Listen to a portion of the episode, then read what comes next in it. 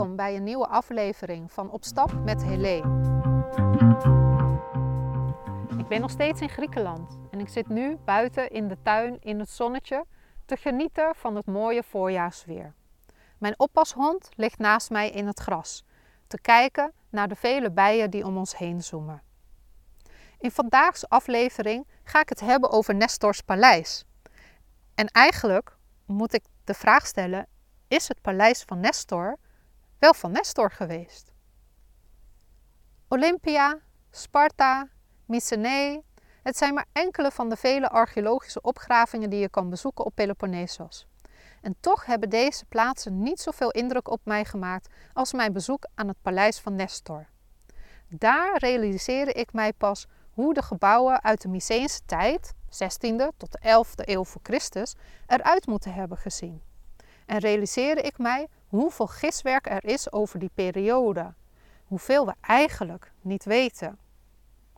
De opgravingen van wat nu Nestors paleis wordt genoemd, begonnen in de jaren 50.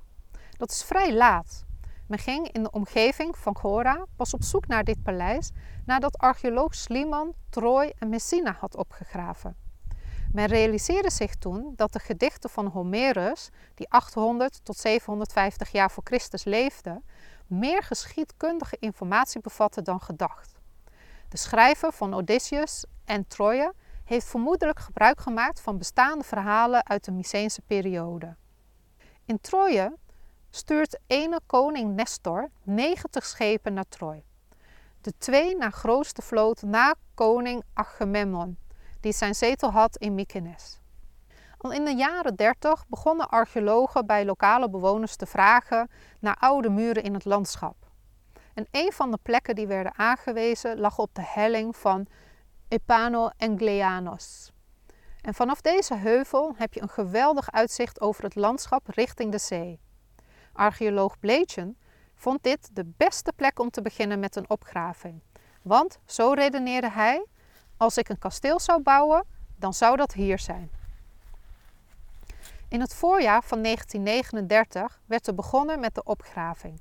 En al snel vond men niet alleen stenen muren van een paleis, maar ook meer dan 600 stenen tabletten met het zogenaamde lineair B-schrift.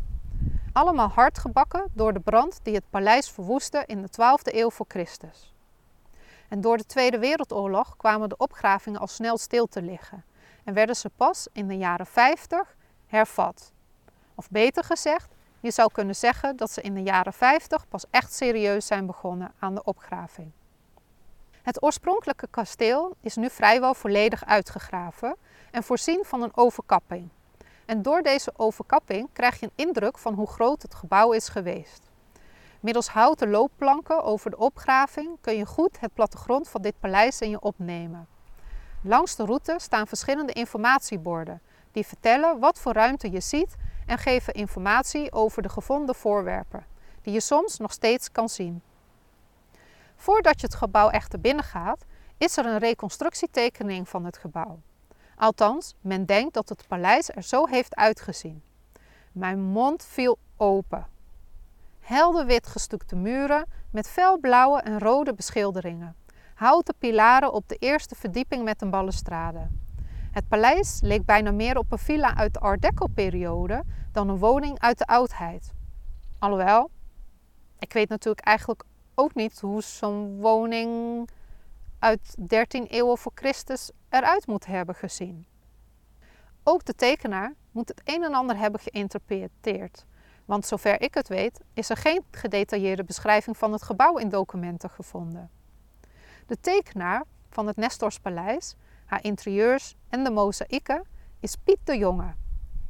Piet de Jonge leefde van 1887 tot 1967 en is half Nederlands. Zijn moeder is Engels en hij groeide op in Engeland, maar verhuisde in 1919 naar Griekenland. En daar verdiende hij de kost als tekenaar van archeologische vondsten. Soms maakte hij reconstructies van potten en mozaïeken op basis van slechts een paar scherven. En volgens huidige wetenschappers maakte hij daar soms wel erg gebruik van de zogenaamde artistieke vrijheid. Zo is er een door hem gemaakte mozaïektekening van dolfijnen gebaseerd op slechts twee kleine stukjes mozaïek. Misschien dat daarom het getekende kasteel van Nestor Palace ook wel een beetje op een huis uit de Art Deco-periode lijkt. Het was immers de tijd dat deze uh, schildering werd gemaakt, de tijd van de Art Deco. Als ik over de verhoogde voetpaden langs de verschillende kamers en informatieborden wandel, zie ik steeds meer bijzondere details. Zo is één hoek gevuld met gesmolten glaswerk. Hieruit hebben de archeologen kunnen afleiden dat het paleis is verwoest door een brand. Achter de troonzaal zie ik grote aardewerken potten die in een soort bank zijn gezet.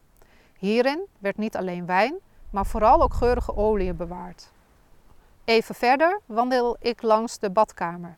Op de nog aanwezige badkuip zijn restanten van tekeningen te zien. Ik kan me goed voorstellen hoe Telemachus, de zoon van Odysseus, hier een bad nam. De eerder genoemde stenen tabletten die zijn opgegraven, zijn allemaal ontcijferd. Maar ze vertellen niet zo heel veel over de eigenaar van het paleis. De tabletten werden vooral gebruikt voor de registratie van producten, toewijzen van belastingen en het vermelden van de verplichte offers aan de goden. Geen spannende verhalen dus over helden, oorlog of het koninklijk leven. Wel geven ze informatie over de politieke structuur van het koninkrijk, haar economie, sociale structuur en religieuze rituelen. Ze bevestigen eigenlijk dat dit paleis het centrum was van een rijk koninkrijk. Of Nestors paleis dan ook daadwerkelijk Nestors paleis is, dat is onbekend. Maar die creatieve invulling neem ik voor lief. Want tijdens mijn bezoek aan deze archeologische vondst leerde ik veel meer over de gebouwen uit de tijd van de Mycenen dan in Mycenae, de hoofdstad van het Rijk zelf.